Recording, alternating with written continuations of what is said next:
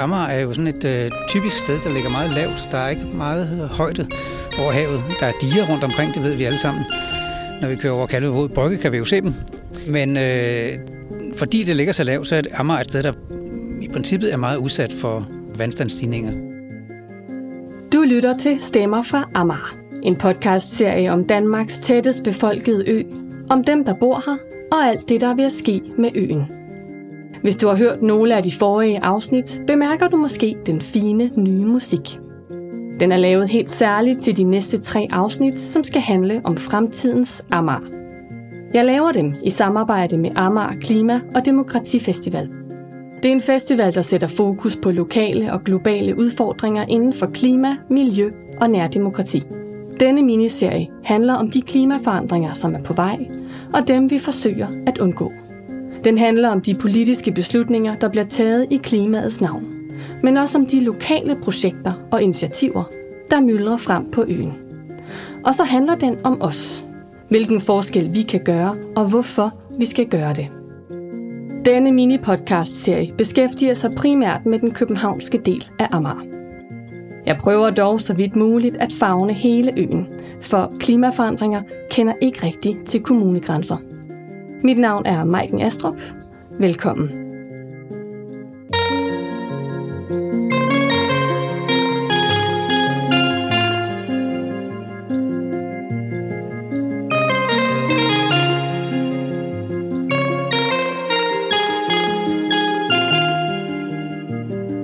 Hen over de næste tre afsnit skal vi se nærmere på nogle centrale udfordringer, som vi står overfor på Amager, i Danmark og nok også i hele verden.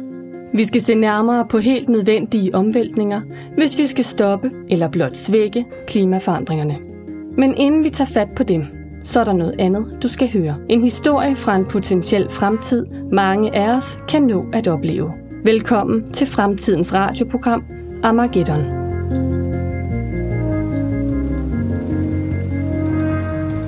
Altså, det har jo regnet en del og, og blæst. Jeg kan huske, at øh, jeg hører morgenradioavisen om fredagen. Altså, der Betty og jeg, vi tager metroen ud til Naturcenteret. Ja, det lyder ikke så godt, og jeg overvejer, om vi overhovedet får nogle gæster. Og vinden rusker flere gange i metroen, så, så det må stands på skinnerne. Ja, det er ikke særlig rart. Du lytter til Anna Lund Petersen. Hun er naturvejleder og arbejder på Naturcentret på Kalvebod Fællet. Og så bor hun på Islands Brygge sammen med sin naturvejlederhund Betty. For et år siden står Anna på tærsklen af en prøvelse. Måske et af sit livs sværeste øjeblikke. En oplevelse, hun selv mener vil følge hende resten af livet. Da jeg kom ud til Naturcenteret, så, ja, så er cykelskuddet ved at vælte i blæsten. Og hønsen dit løber forvildet rundt på gårdspladsen. Hvorfor de ikke er i deres hønsehus, det ved jeg altså ikke. Men, men vinden rusker så voldsomt i træerne, at jeg bliver lidt bange for, om de vælter. Altså, det er håbløst at indfange hønsene. Flere af dem, de, de blæser faktisk væk fra mig. Der er ingen andre end Anna på stedet. Hendes kollega Bjørn sidder fast i toget på vej fra Køge. Blæsten har væltet et træ ned over skinnerne. Anna må klare skærene selv. Hun beslutter hurtigt at kontakte sin chef, som også sidder fast i stormen. De bliver enige om, at hun skal pakke stedet forsvarligt sammen, sure hvad hun kan af ting fast, der står udenfor og tage hjem igen. Efter et par timer er hun klar og begiver sig tilbage mod Vestamager metrostation. I det samme hører hun et råb om hjælp. Inden vi går videre med fortællingen, vil jeg gerne byde dig velkommen. Du lytter til radioprogrammet Armageddon. Et program om nogle af de mennesker, der har været tæt på de storme og orkaner, der de seneste år har raseret Amager. I denne serie kommer du til at møde tre personer, der alle er til stede på Amager, da en storm sidste efterår fejrer ind over landet. Anna, Elias og Dortes historier er vidt forskellige, men de udspilles blot få kilometer fra hinanden. I dag fortæller Anna sin historie. Mit navn er Petra Mørk, og jeg er din vært i dag. Velkommen til. Jeg kan huske, jeg vender mig om for at finde ud af, hvor råbet kommer fra. Altså det der råb om hjælp, som jeg hører. Og så ser jeg en ung kvinde. Hun står mellem træerne og vinker til mig. Hun hedder Irene. Hun har overnattet i Pinseskoven med sin gode ven Birk. I et shelter. Om morgenen får han det pludselig meget dårligt. Signalet på deres mobiltelefoner virker ikke, så hun har efterladt ham i shelteret for at hente hjælp. Hun virker ret udmattet, og hun er helt gennemblødt.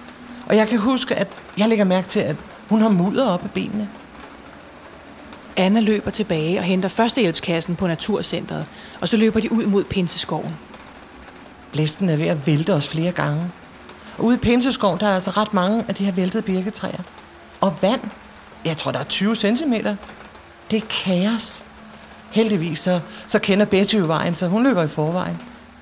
Og hen ved shelteret, der er nogenlunde læ. Men Birk har det ikke godt. Han er virkelig, han er lige bleg, og han trækker vejret i stød. Så beslutter vi os hurtigt, at han skal altså på hospitalet. Ja, det er umuligt at komme frem med en ambulance, og vi, jeg vi begynder at gå mod Naturcenteret med ham imellem os. Anna og de to andre må stride sig igennem væltede træer og vand. Da de kommer ud af pinseskoven, går de næsten i vand til op over læggene. Det er blevet tusmørke, men de har nået granatvej, som går direkte til Naturcentret. På det her tidspunkt er de kolde, våde og udmattede. Jeg kan huske, at der er vand på gårdspladsen, og da vi kommer tilbage til Naturcentret. Birk han hænger halvt bevidstløs imellem os. Og så beslutter vi os at søge ly ind i kontorbygningen. Da jeg åbner døren, så fosser vandet ind på gulvet. Og strømmen er gået, og ja, telefonen virker ikke. Og min mobil har ikke noget net. Jeg sagde, jeg kan ikke ringe efter en ambulance, så, og vi er nødt til at komme væk.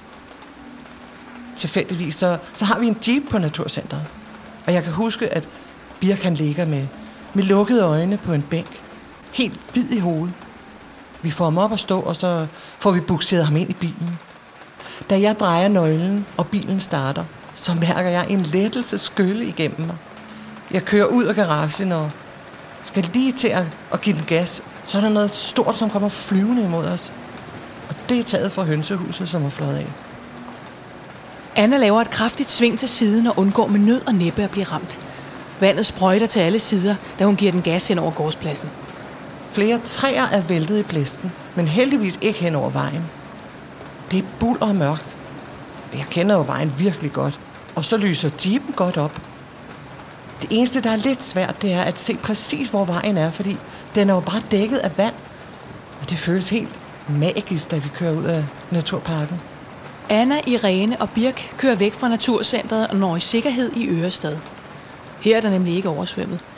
Ørestad er bygget til at tage imod store mængder regnvand, selvom det ligger lavt på Amager. Vi kommer i sikkerhed i Fields af alle steder. Og Birk han bliver tilset af en læge, imens Irene og jeg vi får tæpper og varm mad og kaffe. Ja, det er den bedste kaffe, jeg nogensinde har fået. Det var, hvad der skete for Anna i den voldsomme efterårsstorm, der lagde Danmark ned sidste år. Den overraskede mange, da den ikke i første omgang blev kategoriseret som en storm af meteorologerne. Digerne holdt, men øh, kombinationen af store mængder nedbør og forhøjet vandstand på mere end to meter skabte alligevel voldsomme ødelæggelser på store dele af øen. I næste afsnit skal du møde Elias, som også var på Amager den aften i oktober sidste år, hvor stormen ramte. Mit navn er Petra Mørk. Tak, fordi du lyttede med. Det var første afsnit i radiohistorien Armageddon. Men dette podcast-afsnit er ikke slut endnu. For hvordan er vi overhovedet kommet dertil, at en 2000 års stormflod kan rasere Amager? Og hvad kan vi gøre for at forhindre det i at blive værre? Det handler jo om klimaforandringer. Men hvad er det egentlig? Hvor kommer de fra? Og hvilken indflydelse kan de få på vores liv og verden, som vi kender den? Det har jeg snakket med Ejgil Kås om. Han er professor i klimafysik og atmosfæreforskning på Niels Bohr Instituttet på Københavns Universitet. Så er han videnskabelig leder af det Nationale Center for Klimaforskning på DMI, Danmarks Meteorologiske Institut. Jeg har sat ham stævne på Amager Strand, både fordi vores samtale kommer til at handle en hel del om havet og havstigninger, men også fordi, at vi lige der er ret udsatte for oversvømmelser, hvis der skulle komme en storm. Vores klima på jorden er i en meget delikat balance. Der er rigtig mange ting, der styrer, hvad er vores temperatur på jorden. Det er hvor meget sol, det er jordens afstand fra solen. Hvilken farve har jorden, hvor mørk er jorden. Men i høj grad også det, vi kalder drivhusgasser, som er helt afgørende for, at vi overhovedet kan leve på vores planet. De virker som en slags øh, isolerende tæppe, der gør, at jorden bliver varmere, end den ville være, hvis de ikke var der. Og der er CO2 en af dem. Vanddamp er faktisk den allervigtigste, men det er sådan en slags slave, kan man sige. I varmere der bliver med vanddamp er der. De grundlæggende drivende mekanismer, det er især CO2 og andre drivhusgasser som metan og øh, lattergas og sådan noget. Øh, det, det, det er gasser, som vi mennesker er ansvarlige for, men som også er der helt naturligt og helt afgørende for, at vi kan leve på jorden overhovedet. Så hvad er klimaforandringer? Jamen det er, når de der grundlæggende drivhusgasser, specielt CO2, øh, Øh, når det stiger så meget koncentration, så betyder det, at jordens temperatur stiger, fordi det der tæppe, der isolerer os, det bliver tykkere. Så man, det er simpelthen en tykkere dyne, man får på, og så stiger temperaturen mere. Fordi solen skal nok komme ind, men øh, den varme, der ligesom skal tilbage igen til verdensrummet, den får sværere ved at slippe ud til verdensrummet, når der er mere CO2 i luften. Drivhusgasser, såsom CO2, også kaldet koldioxid, er altså helt naturlige, og vi har brug for dem for at kunne holde varmen. Og vi har haft klimaforandringer altid.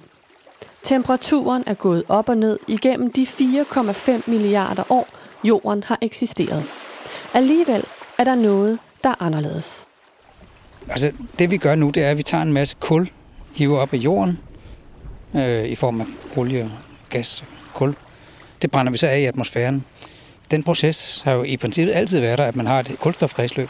Altså fotosyntesen, som de fleste ved, der bliver optaget CO2 i planterne, og det bliver så forrøgnet igen. Det er det kredsløb, vi nu prøver at kortslutte, ved at vi øh, tager kul op fra undergrunden og sender ud i atmosfæren.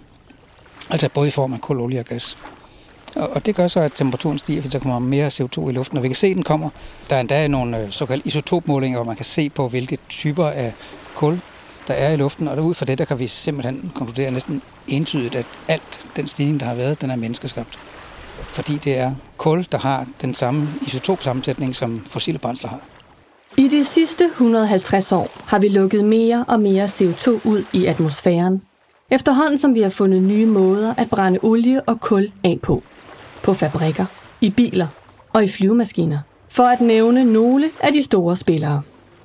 Og dem, der skal bringe CO2-niveauet ned, har fået sværere og sværere ved at følge med. Det her træer, buske og planter kommer ind i billedet. Normalt suger planter CO2 til sig, når solen skinner på deres blade. Så længe de vokser, opbevarer de CO2 for os. Når de så bliver gamle, forfalder og rådner, så frigiver de CO2 igen – det er det, Ejgil Kås kalder kulstofkredsløbet. Ikke kun udleder vi mere og mere CO2, vi har også fældet skove gennem de sidste mange hundrede år og erstattet dem med landbrugsmarker, metanbrudende køer og store byer. Den stigning, der er sket i CO2 nu, som er en meget vigtig drivhusgas, den er sket meget hurtigt. Også hurtigere, end der formentlig har været i, i hvert fald mange millioner år. Selv da istiden sluttede, der steg faktisk CO2 også, men ikke nær så hurtigt som nu. Så det er en meget stor stigning, der er sket inden for de sidste 100 år. Konklusionen er så simpel. Jorden bliver varmere, og det har en række voldsomme og næsten uoverskuelige konsekvenser for vores klima. En af dem er, at isen smelter i Grønland, på Nordpolen og i Antarktis. Vi snakker om is, der har bundet drivhusgasser til havbunden i årtusinder. Når den smelter, er der en risiko for, at store mængder metan slipper ud i atmosfæren. Metan er meget kraftigere end CO2. Og så vil verdenshavene selvfølgelig stige. Både fordi store mængder af isen smelter ud i havene, og fordi vand udvider sig, når det bliver varmere. Hvis al is i Grønland smelter, så stiger havene med ca. 7,2 meter. Hvis Antarktis smelter, så stiger de globale havniveauer med 70 meter.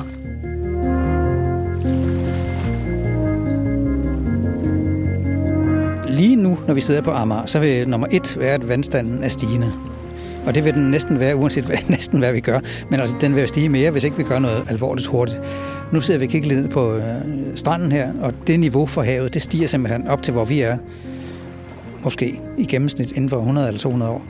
Det vil have kæmpe konsekvenser i hele Danmark og i rigtig mange andre øh, lavbundslande i hele verden. Altså alle rundt, rundt langs kysterne. Men hvis vi ikke gør noget hurtigt, hvad er det så, vi kan se frem til? Jamen det er flere skybrud, kraftige skybrud, som er, kan have meget store lokale konsekvenser, som vi ved. Stormfloder bliver meget mere alvorlige, fordi hvis middelvandstanden stiger en meter eller to inden for 100 eller 200 år, og så stormfloder ovenpå det, som i princippet kunne være 1-2 meter høje, så betyder det jo, at meget store kulturværdier i Danmark og mange andre steder i verden går tabt. I hvert fald er man nødt til at inddæmme sig med diger og sådan noget. Store dele af Amager er meget udsat. Kystdirektoratet har udpeget Køge Bugtområdet som et risikoområde i forhold til havoversvømmelser. Det inkluderer Dragør, som både ligger lavt og tæt ved vandet. Derfor er kommunen også i gang med at planlægge kystsikring. Men der er uenighed om, hvor højt diget skal være. Skal det kunne klare en 100-års hændelse eller en 500-års hændelse? Sidstnævnte kræver selvfølgelig et højere dige, og det vil tage mere af udsigten til havet.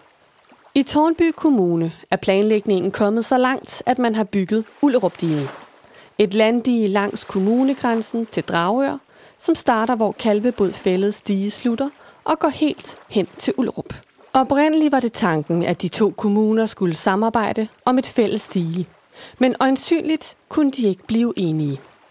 Derfor har vi nu et dige tværs over øen, som beskytter Kalvebod og Tornbyborgerne.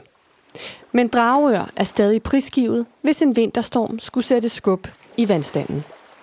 Det har for nylig vist sig, at ullerup faktisk ikke er højt nok til at klare en 100-års hændelse om 100 år. Så måske skal det forhøjes yderligere. Og på den københavnske del af Amager har vi Strandparken og havneindløbet. Her er det tanken, at Lynetteholmen skal klare skærene ind mod hovedstaden. Den store kunstige ø skal placeres midt i havneindløbet og fungere som et dige. Men Amager Strandpark skal også sikres. Og pt. er det et kommunalt ansvar at sikre kysterne mod oversvømmelse. Og det er ikke helt nemt at blive enige om, hvem der skal betale for hvad. Men en ting er, at vi forbereder os på havstigningerne. Hvad kan vi gøre for at stoppe dem? Vi skal skynde os at få sænket udslippene af drivhusgasser. Øh, men selv hvis vi gør det, er der en masse, der er lagt i kakkeloven, som bliver svært ved at undgå. Vi kan se allerede nu, at øh, hvis vi ser på, hvor meget CO2 der er i luften fra år til år, så ved vi, at det stiger hver eneste år, hvor meget der er. Og den stigning, den kan vi ikke bare lige slukke. Vi skal faktisk mere end halvere udslippet, formentlig væsentligt mere end det, før vi bare får en stabilisering af CO2-niveauet. Der skal nogle meget dramatiske ting til, for at vi kan mindske de udslip, der er af CO2. Hvis vi skal stoppe klimaforandringerne, er der altså kun én ting at gøre. Vi skal skære ned på vores udledning af CO2. Og på sigt skal vi være CO2-neutrale. Det vil sige, at vi optager lige så meget CO2, som vi udleder. Måske endda gå i minus. Men hvor skal vi starte? Hvor udleder vi mest CO2? Der er flere store. Der er industri, industriproduktion, øh, det vil sige de varer, vi køber også. Det er en stor blok. Det er næsten hvad som helst, hvad du køber, når du går ind i en butik og køber noget, eller du går hen og køber en ny bil, eller du køber en ny computer, eller noget nyt tøj. Alt det der. Der er noget industriproduktion bag det, som medfører større udslip. Så er der omkring fødevareproduktion, altså landbrug. Der er også en meget stor øh, effekt der. Og det er så især, fordi vi spiser relativt meget kød i det meste af verden, og der er flere og flere, der gerne vil gøre det. Og det giver også et meget stort udslip. Det vil være meget bedre, hvis vi alle sammen spiser vegetarisk. Så er der transport. Du kan endda høre flyveren der. Det er et af eksemplerne. Det er også en meget stor faktor, øh, og den har desværre været stigende i de senere mange år. Både på landevejene, men altså også i fly. Og det gør så, at øh, for eksempel Amager, hvor vi har Kastrup, indirekte kan man sige, selvom det ikke er amerikanser måske, der flyver så meget nødvendigvis, men øh, det har en stor effekt på det CO2-aftryk, som Danmark har. Men så er der også øh, en anden ting, det er øh, energi til boliger, altså opvarmning og afkøling, specielt afkøling måske mere i fremtiden, ikke? altså med aircondition. Det er også en stor faktor, så der er sådan fire store faktorer. Ikke?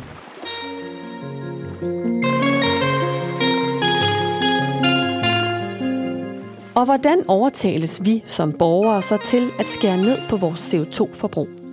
Hvordan forholder vi os til de fire faktorer, som Ejgil Kås nævner? Der er nogen, som er nødt til at gå forrest og vise vejen. Jeg har i hvert fald brug for at få vist vejen. Jeg var nok ikke begyndt at sortere affald, hvis ikke kommunen havde bedt mig om det. Og jeg havde nok ikke installeret en regnvandstank i min have på 3.000 liter, hvis ikke jeg havde fået kimet ørerne fulde om skybrud og hedebølger. Om at bruge regnvand til vanding frem for rent postevand. Der er brug for politikere, der vedtager klimaplaner og klimamål. Internationalt, nationalt og kommunalt. Virksomheder, der sætter sig ambitiøse klimamål. Foreninger, organisationer og borgere, der tager fat der, hvor de kan. Hvis vi ser på sagen kommunalt, så har Københavns Kommune en klimaplan. Det gælder jo så ikke kun det nordlige Amager, men hele hovedstadskommunen. Tornby er med i Realdanias DK 2020 klimasatsning, som skal hjælpe kommunerne i gang. Dragør har en klimatilpasningsplan, som de fortsat arbejder på. Det er ikke obligatorisk for kommunerne, men mange er i gang. I Københavns Kommune arbejder vi med fire hovedområder. Den ene det er energiforbrug. Det handler om, at vi skal reducere den øh, energi, vi bruger, fordi jo mindre energi, det bedre er det. Ellers skal vi til at producere energi. Så har vi energiproduktion, som er alt fra varme, el og til dels også køling nu, der begynder at være en ting, som jo handler om, at vi bruger vedvarende energikilder. Så er det i forhold til mobilitet. Det handler om at reducere mængden af biler og transport i byen. Det handler om at få de biler og tungtransport, der kører hen til at køre på for eksempel el. Og så handler det selvfølgelig også om, at vi skal have folk over på cykler og over i det offentlige transport. Blandt andet den offentlige transport kommer også til at være CO2-neutral i 2025. Og så til sidst så har vi det, der hedder Københavns Kommune som egen virksomhed, og det er det fjerde spor, som fokuserer på, hvad kan kommunen gøre, altså med vores egen bygning og vores egen transport og vores egen indkøb. Claus Bundgaard holder til i Københavns Klimasekretariat. Her arbejder de hårdt på at nedbringe Københavns CO2-udledning. Claus nævner også fire faktorer, men den vågne lytter vil bemærke, at landbruget er skiftet ud med kommunens egne klimamål. Det giver ikke så meget mening at have klimavenligt landbrug i hovedstaden, så den er pillet ud. Jeg kan derfor se tre centrale faktorer, som er relevante på Amager. Transport, energiproduktion og energiforbrug. Derfor skal vi i dette afsnit se nærmere på den måde, vi bevæger os og vores varer omkring i byen. Mobilitet, som det så mundret hedder. I det næste podcast-afsnit ser vi nærmere på vores energiforbrug og hvordan det kan blive mindre og mere grønt. Imens det sidste ser nærmere på energiproduktion og hvordan vi omlægger til klimavenlig energi. Hvad er ambitionen med Københavns klimaplan?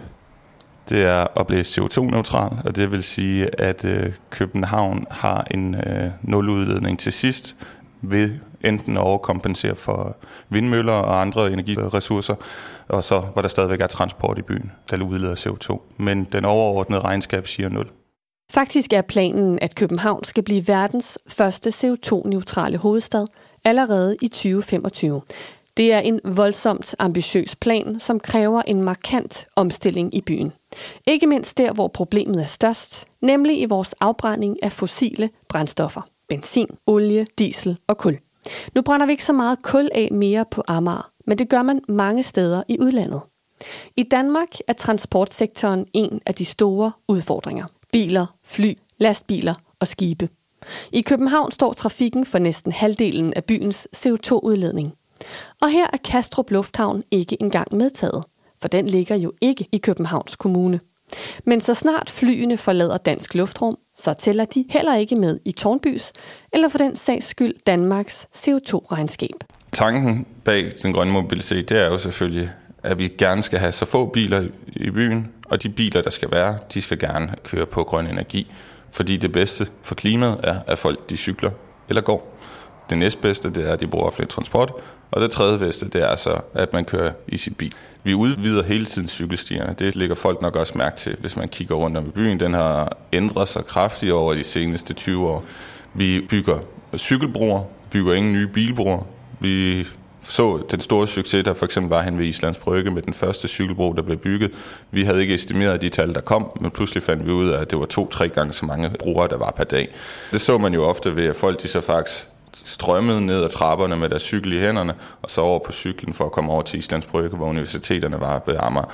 Vi valgte derfor at bygge en cykelslange, som har genereret endnu større succes.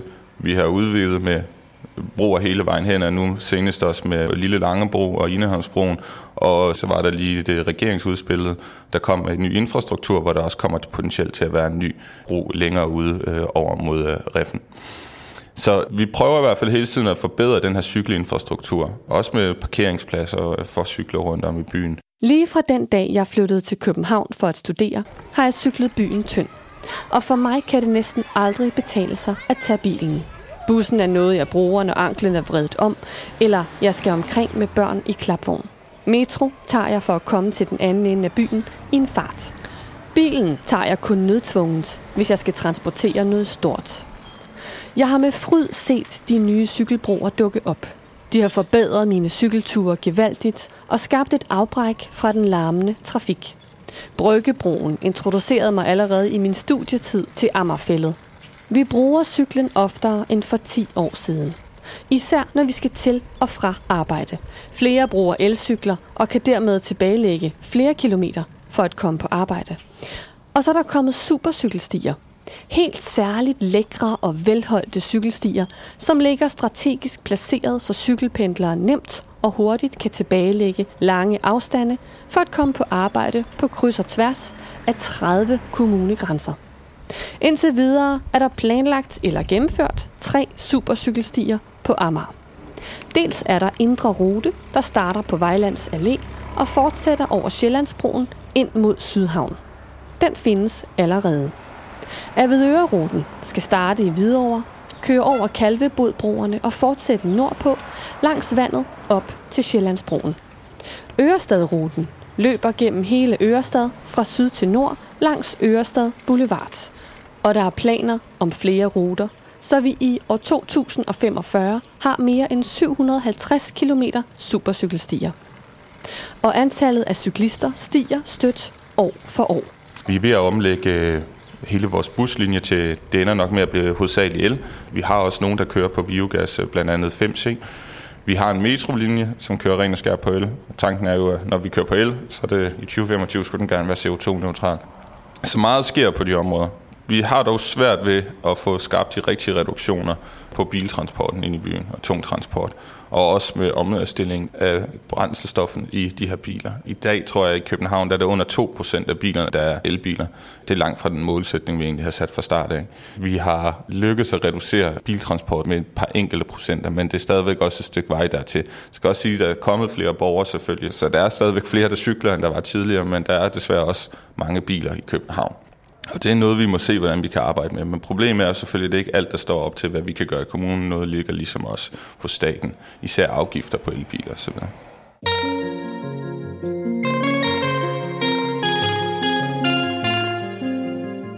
Den helt store udfordring er altså biler og lastbiler. Både de private, som måske bliver brugt til at køre på arbejde i, men også erhvervsbilerne, som bringer varer på kryds og tværs af byen. Håndværkere, som har brug for deres værktøj og redskaber. Folk, som bor uden for byen og pendler til og fra arbejde hver dag. Og andelen af bilejere stiger med husstandsindkomsten. Jo mere du tjener, jo større er sandsynligheden for, at du har bil, og jo mere kører du i den. Men langt de fleste byboere tager faktisk cyklen eller det offentlige på arbejde eller til studiet. 60 procent af alle ture foregår til fods eller på cykel. Kun 25 procent af københavnernes ture foregår i bil. Samtidig fylder bilerne to tredjedel af vejarealet i København. Det er egentlig tankevækkende, så meget bilerne fylder, når mange af os samtidig bruger dem så lidt. Jeg har en bil med plads til syv personer. Den kører på benzin. Både jeg og min kæreste cykler til og fra arbejde hver dag, og vores tre børn cykler i skole og hjem til vennerne. Vi bruger altså kun bilen, når vi skal på langfart. Til oldemor i Forborg, til vennerne på Bornholm, eller hvis vi tager sydpå i ferien. Så umiddelbart er det ret dumt, at vi har en bil. Undtagen altså, når den er uundværlig for os. Men det er faktisk en slags delebil, da min storebror bruger den i hverdagene, når han skal til og fra arbejde på Midtjylland. Det tager en lille time hver vej og kan kun vanskeligt erstattes med offentlig transport. Derfor kører vores bil ca. 500 km om ugen. Men vi havde også bil, inden vi begyndte at dele med min bror, og det var måske knap så genialt. Men det er der råd for. Hvad er det, du gør der? Jeg låser den op med sådan en nøglebrik. På selve vinduet af bilen? Og det kan være, at den lige skal have et minut mere. Du kan se, der sidder en lille firkant her, hvor øh, der er en modtager. Og øh, når jeg har reserveret bilen, så ved den, at jeg gerne må åbne den. Så det skulle vi gerne lige kunne få den til at gøre nu. Yes. Hov, så lås den op. Så skal man inden for et minut tage nøglen herover i øh, handskerummet. Så er vi egentlig klar til at køre i bilen. Jeg er taget med Karen Margrethe Dahl på udflugt. Hun har boet på Amager sammen med sin familie siden 2009. Og så har hun og hendes mand brugt delebiler i 15 år. Skal du øh, gøre pænt ren efter dig eller noget? Ja, det skal jeg. Det skal jo ikke på sådan en lille bit tur, men når vi har haft den her i sommerferien, og har været ved Vesterhavet og fået sand i den, og så gør vi noget grundigt ren, når vi kommer hjem, så den er pæn til den næste, der skal bruge den. Og ellers så får man faktisk en øh, pæn henstilling eller en bøde, øh, hvis man ikke øh, gør bilerne rene. Det jo, gør jo egentlig også, at man altid sætter sig ind i en pæn bil.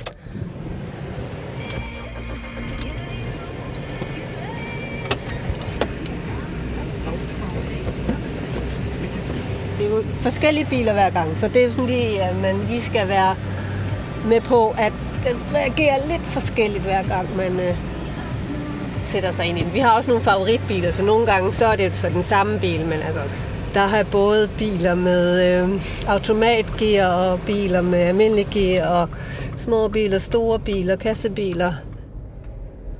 Jeg har aldrig rigtig sat mig ind i delebilsordningerne. Det virker lidt uoverskueligt og uigennemskueligt. Kan det nu betale sig? Er det ikke lidt besværligt? En af mine venner bruger Drive Now, et koncept, hvor der står biler placeret ud over det meste af København. De har ingen fast parkeringsplads, men efterlades inden for en bestemt zone og kan så afhentes der af den næste lejer. Der er sådan nogen som GoMore, der både tilbyder at skabe kontakt mellem bilejere, der har ledige sæder på en kortere eller længere tur. De tilbyder at koordinere leje af private biler, og så kan man lease en bil hos dem. Sidst men ikke mindst er der delebiler med fast deleparkeringsplads. Altså hvor de afhentes og afleveres på præcis den samme parkeringsplads, og ingen andre må holde parkeret der. På nuværende tidspunkt er der kun én udbyder af den ordning. Det er dem, Karen Margrethe Dahl bruger. De hed jo Københavns Delebiler først, og så øh, blev de sammenlagt med Let's Go. Det var så nemt, fordi der stod rigtig mange biler, der vi boede på Vesterbro. Og her på Amager står der lidt færre, lidt, der skal man gå lidt længere, men det er stadigvæk sådan, at de står ude lokalt. Så kan du beskrive, hvad det er, I bruger den til? Vi har lige været på sommerferie. Der kørte vi til Nordjylland i den og kørt rundt i øh, Danmark i den. Når der, vi skal ud til nogle sommerhuse, eller vi skal i morgen skal jeg køre min søn og min øh, nevø til Jylland øh, over og besøge min mor og far. Så har jeg også booket en delebil. Der kunne vi egentlig godt tage det offentlige, men øh, de har sat togbusser ind, og så bliver det simpelthen for besværligt at bruge DSB. Har I nogensinde prøvet at regne ud rent økonomisk, om det kunne betale sig i forhold til, hvis jeg havde haft en bil? Ja, det har vi gjort en hel del gange.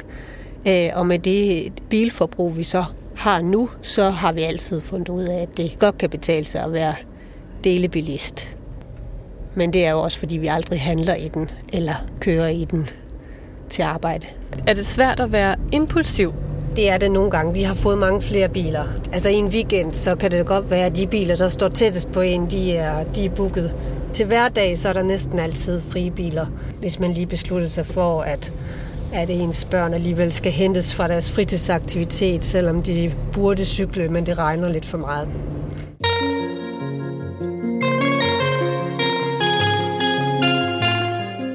Jeg har tøvet over for delebilstanken af mange årsager. Men omvendt har jeg også overvejet en del gange, om det må ikke var noget, jeg burde se nærmere på. Vi forlader derfor Karen Margrethe Dahl et øjeblik og bevæger os ind til Let's Go's hovedkvarter på Nørre Fejmaksgade i København. Her møder jeg Christian Romand, som er ansvarlig for salg, marketing og kommunikation hos Let's Go.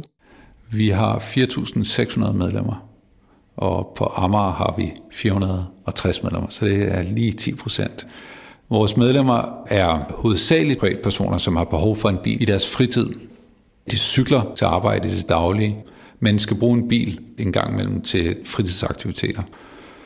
Vi har også erhvervsmedlemmer, som bruger det, og der er et rigtig godt øh, match med brugsmønstret for erhvervsmedlemmer og privatmedlemmer.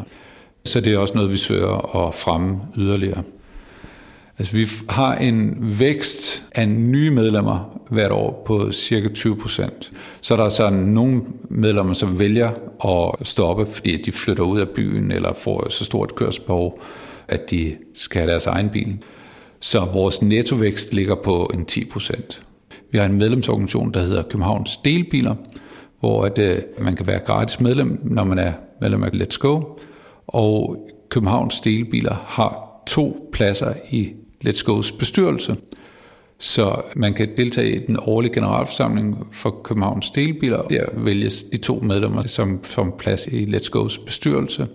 Og de har fuld indsigt i alle Let's Go's dispositioner og formidling af, af hvordan man bruger Let's Go's midler i det hele taget.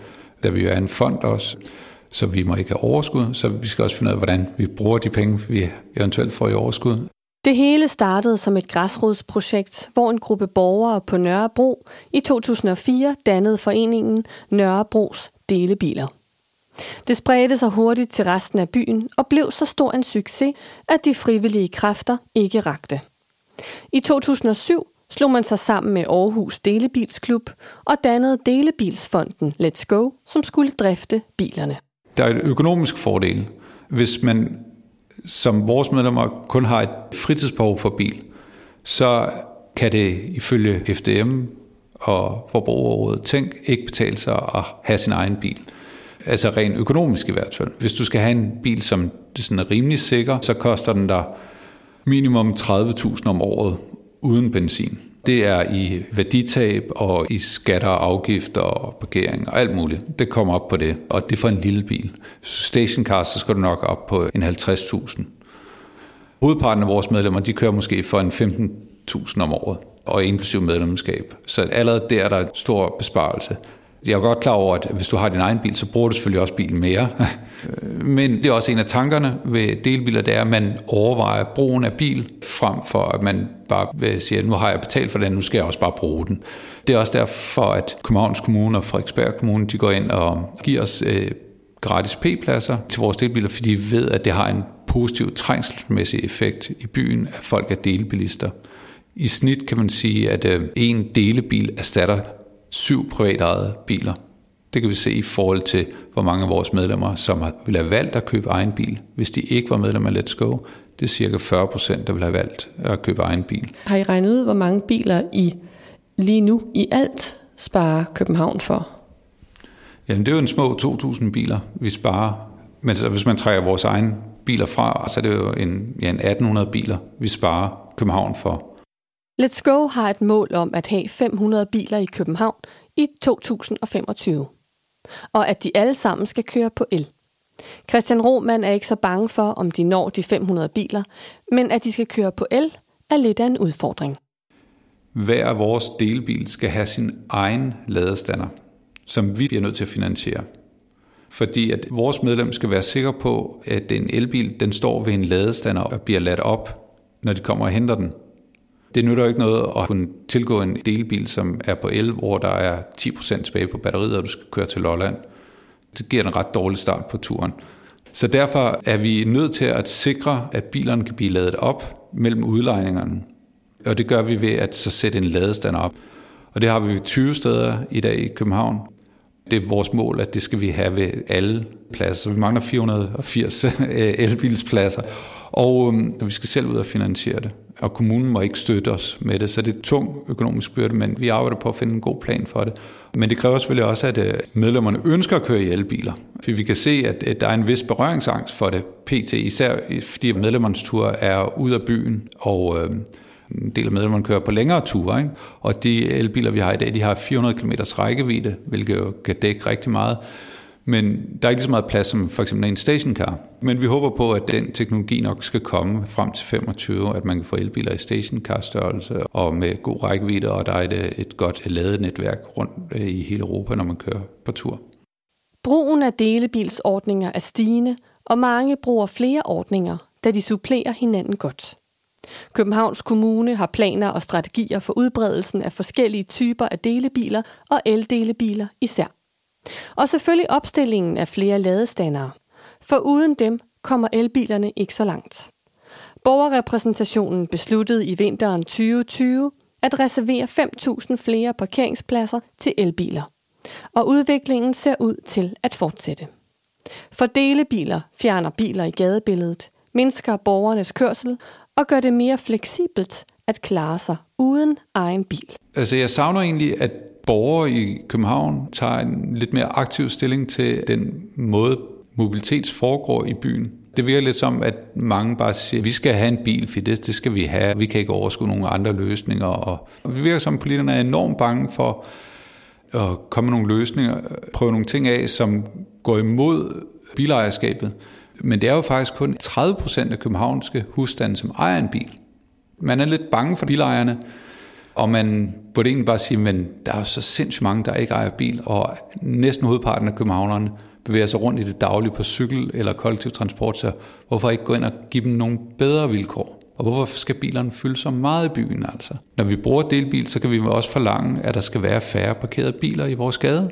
Man kan jo med god grund sige til politikerne, i vores gade har vi valgt at bruge delebil, så vi ønsker, at øh, P-pladserne bliver nedlagt og bliver omdannet til rekreativ formål. Vi har en øh, socialdemokratisk spidskandidat til overborgmesterposten, som gerne vil nedlægge en tredjedel af alle P-pladser frem til 2025, og her er jo en kærkommen mulighed for at pege på, hvilke P-pladser der skulle nedlægges. Det skulle være der, hvor der er mange delbiler. Så kunne man nedlægge P-pladserne og sige, at borgerne har valgt at dele som bilerne, så kan de jo også tilgodeses med parkområder eller legepladser i deres gader, i stedet for alle de parkerede biler. Tilbage i Sundby Vester er Karen Margrethe Dahl og jeg ved at finde delebilens parkeringsplads. Vi har den, fordi vi ikke behøver den til daglig. Altså, vi har ikke øh, brug for at køre i bil til arbejde. Hvis vi havde brug for det, så købte vi en bil. Det er et spørgsmål om, at det ikke betyder nogen væsentlige forringelser i vores muligheder for at gøre, hvad vi vil, og have en hverdag, der fungerer. Jeg ville ikke gøre det, hvis det var meget besværligt, eller så er jeg ikke sådan mere entusiastisk omkring det end det. Men jeg synes bare herinde i byen, det er besværligt at parkere. Jeg synes, bilerne fylder for meget i byen, og øhm, at når man nu har muligheden for det, også fordi man slipper også for noget, noget besvær med at holde den øh, ved lige, og der, der, er sådan nogle, der er sådan nogle give and take ting i det, som vejer til fordel for delebiler hos os, men, men boede vi ude i en forstad, øh, hvor vi havde mere brug for biler, så, så gjorde vi det nok ikke. Jeg synes, det kunne være virkelig fedt, hvis man satte fokus på, hvor meget plads man ville få, hvis lidt flere mennesker kunne deles om biler. Fordi det siger jo ligesom, at hvis man er delbilist, så er man fem familier om en bil, tror jeg nok i gennemsnit. Jeg er helt med på, at der er mange, der har brug for den til hverdag. Det er ikke nogen løsning for dem. Der skal bare kunne sætte sig ned i deres bil og køre. Men der er nok en hel del ligesom os inde i byerne, Inde især i København, som er faktisk det eneste sted, hvor det reelt kan lade sig gøre at bruge det offentlige transport øh, som alternativ. Men her i København i hvert fald, der tror jeg, at det kunne lade sig gøre for langt flere at være delebilister. Alle de her tanker og planer gælder jo Amager, som det gælder resten af København. Men hvad kan vi ellers gøre for at skære ned på de problematiske transportformer? Udover at cykle mere, køre mindre i bil, med mindre det er en elbil, og så bruge de offentlige transportmidler. Det har Ejgil Kås et par bud på. Det er ikke maskinstormer, vi skal ikke bare sådan lukke samfundet ned, det mener jeg ikke. Men sådan nogle ting som afgifter, der hvor man bruger meget energi, og det kunne være for eksempel fly, det kan også være mange andre ting, CO2-afgifter generelt. Det kan godt være, at det har en social slagside, men vi er nødt til at have et incitament til at spare på energien. Et eksempel er, hvis man sætter samme afgift på flybrændstof, som man har på diesel og benzin, så vil det jo koste adskillige tusind kroner ekstra. Adskillige tusind. Hvis det lige pludselig koster 5.000 kroner mere at flyve frem og tilbage til New York, så tror jeg, at der er en del mennesker, der vil betænke sig lidt ved at gøre det. På at tage en weekend derovre, som nogen gør. Det Ejgil Kås her snakker om, er de nationale CO2-regnskaber. De er så sindrigt indrettet, at flytrafikken kun tæller, så længe flyet er i dansk luftrum. Og hvis jeg skal til Brasilien, så tilbringer jeg jo ikke mange minutter af den flyrejse i dansk luft. Samme udregningsmetode gør sig gældende for skibstransport. Så når et dansk containerskib sejler ud i internationalt farvand, så stopper den danske CO2-tæller. Min kæphest er lidt, at øh, jeg synes, man gør alt for meget ud af at se på den nationale regnskaber, og alt for lidt på det personlige CO2-fodaftryk. Hvad gør min tilstedeværelse på jorden og det, jeg gør og bruger? Hvad betyder det for CO2-udslippet? Det er der meget lidt fokus på. Det danske nationale regnskab, også i internationale forhandlinger, det siger ikke noget som helst om, hvad Danmarks udslip er som følge af os som danskere. Bare det faktum, at vi er til, og at vi bruger alt det, vi gør, køber det, vi gør, transporterer, som vi gør, det giver et kæmpe stort CO2-udslip. Og det er jo øh, sådan, at, øh, at det udslip, som den enkelte borger i verden har, det er jo meget tæt relateret til, hvor mange penge du har. Og eftersom Danmark sådan, over en bred kamp er et af verdens allerrigeste lande, der er meget få danskere, der er fattige, sådan rigtigt. Men de er der selvfølgelig. De fleste er i stand til at købe mange varer. Købe tøj, mad og biler og computere, telefoner, alt det vi køber. Og det er jo der, udslippen ligger altid. Jamen, Danmark har jo også været dygtig, for vi har gjort meget for også at isolere vores boliger. Vi er i hvert fald på vej mod at lave en grøn omstilling, hvor vi investerer meget mere i øh, vindenergi for eksempel. Og det er jo super godt. Det er super, super godt, men øh, der er lang vej nu. Jeg spørger Ejgil Kås, om ikke det er en idé, at vi køber varer, som er lokalt produceret. Jeg har nemlig hørt, at transport af madvarer og brugsting er en stor klimasønder. Ja, det er nok lidt af en myte. Altså at købe tomater om vinteren fra Holland, det er noget af det værste, du kan gøre. Når jeg mente lokalt, så mente jeg næsten på Amager. Men nu kan du ikke købe tomater, der er produceret på Amager, men mindre det er et drivhus. Og selv det vil også være rigtig, rigtig slemt i forhold til at købe noget fra Sydspanien, der bare har kørt en lastbil herop. Fordi CO2-udslippet med tomater fra Sydspanien, der stort set ikke har brugt kunstig opvarmning, de er meget mere klimavenlige end nogen fra Danmark eller Holland om vinteren. Om sommeren, der er den anden historie. Så øh, i virkeligheden, så man skal købe så lokalt som muligt, og når det er madvarer, så skal de også købes inden for sæsonen. Ja, og igen, der er altså en myte om, at det koster enormt meget energi at transportere en agurk fra Sydspanien til Danmark. Det koster noget at køre en lastbil herop, eller et tog, men øh, det koster meget mere at skulle arme drivhus op i Danmark øh, om vinteren for at producere den samme vare. Så det der med, at det skal være nært på, det er ikke altid sandt. I hvert fald ikke om vinteren. Okay, så køb danske madvarer inden for sæsonen. Mm. Og hvis det er uden for sæsonen, så er det sådan set fint at købe spanske tomater eller portugisiske øh, gulerødder, var jeg lige ved at sige. Ja, og det er så ikke så smart måske at købe øh, flyfriske blåbær fra Peru eller sådan noget. Fordi det koster meget energi at flyve dem herop. Ikke? Så alting, der er fløjet til Danmark, det skal man passe på. Og det er ikke særlig klart, når man kigger på varer, om de faktisk er fløjet til Danmark eller ikke er. Men det kunne man godt gøre noget ud af og markere tydeligere på varerne.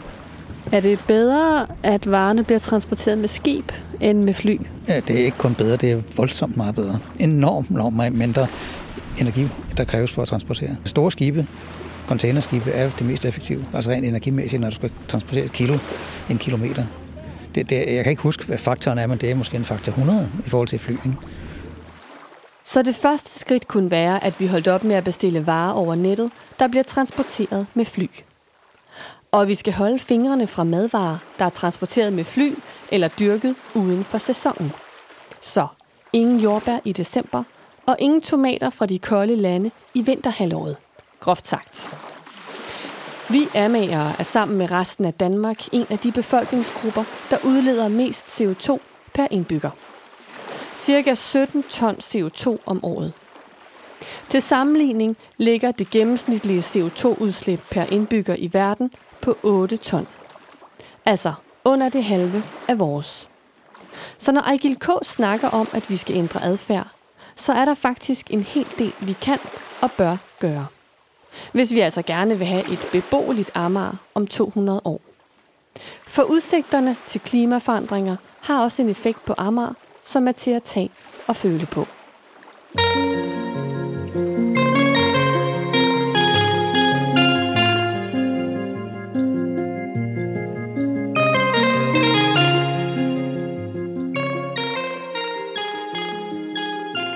Det var første afsnit i en miniserie, som jeg laver i samarbejde med Amager Klima- og Demokratifestival. En festival, der undersøger lokaldemokratiets muligheder for at påvirke klimatiltag og modvirke klimaforandringer. Det næste kapitel skal handle om, hvordan vi kan skære ned på vores energiforbrug over hele linjen. Og så får du næste kapitel i Armageddon. Og så vil jeg gerne rette en særlig tak til skuespillerne fra Amagerrevyen, som lægger stemmer til Armageddon. I dette afsnit hørte du Dorte Munksgaard, som lægger stemme til Anna Lund Petersen, imens Mille Berg spiller verden Petra Mørk. Amagerrevyen har premiere i marts måned 2022 på Teater Play. Podcasten er optaget og klippet sammen med mig, Maiken Astrup. Mastering-tekniker er David Ronø fra Branch Out Sounds. Musikken er lavet af komponist Jeppe Lauritsen og Philip Ovusu. De lyde, jeg ikke selv har optaget, kommer fra freesound.org. Amager Klima- og Demokratifestival har en hjemmeside www.akdf.dk og en Facebook-side, hvor du kan læse meget mere om de mange aktiviteter og tilbud. Stemmer fra Amager har også en Facebook-side og en hjemmeside, stemmerfraamager.dk. Her kan du finde de tidligere afsnit og se de mange spændende steder, fotografen Rikke Colburn har indfanget med sit kamera. På genhør.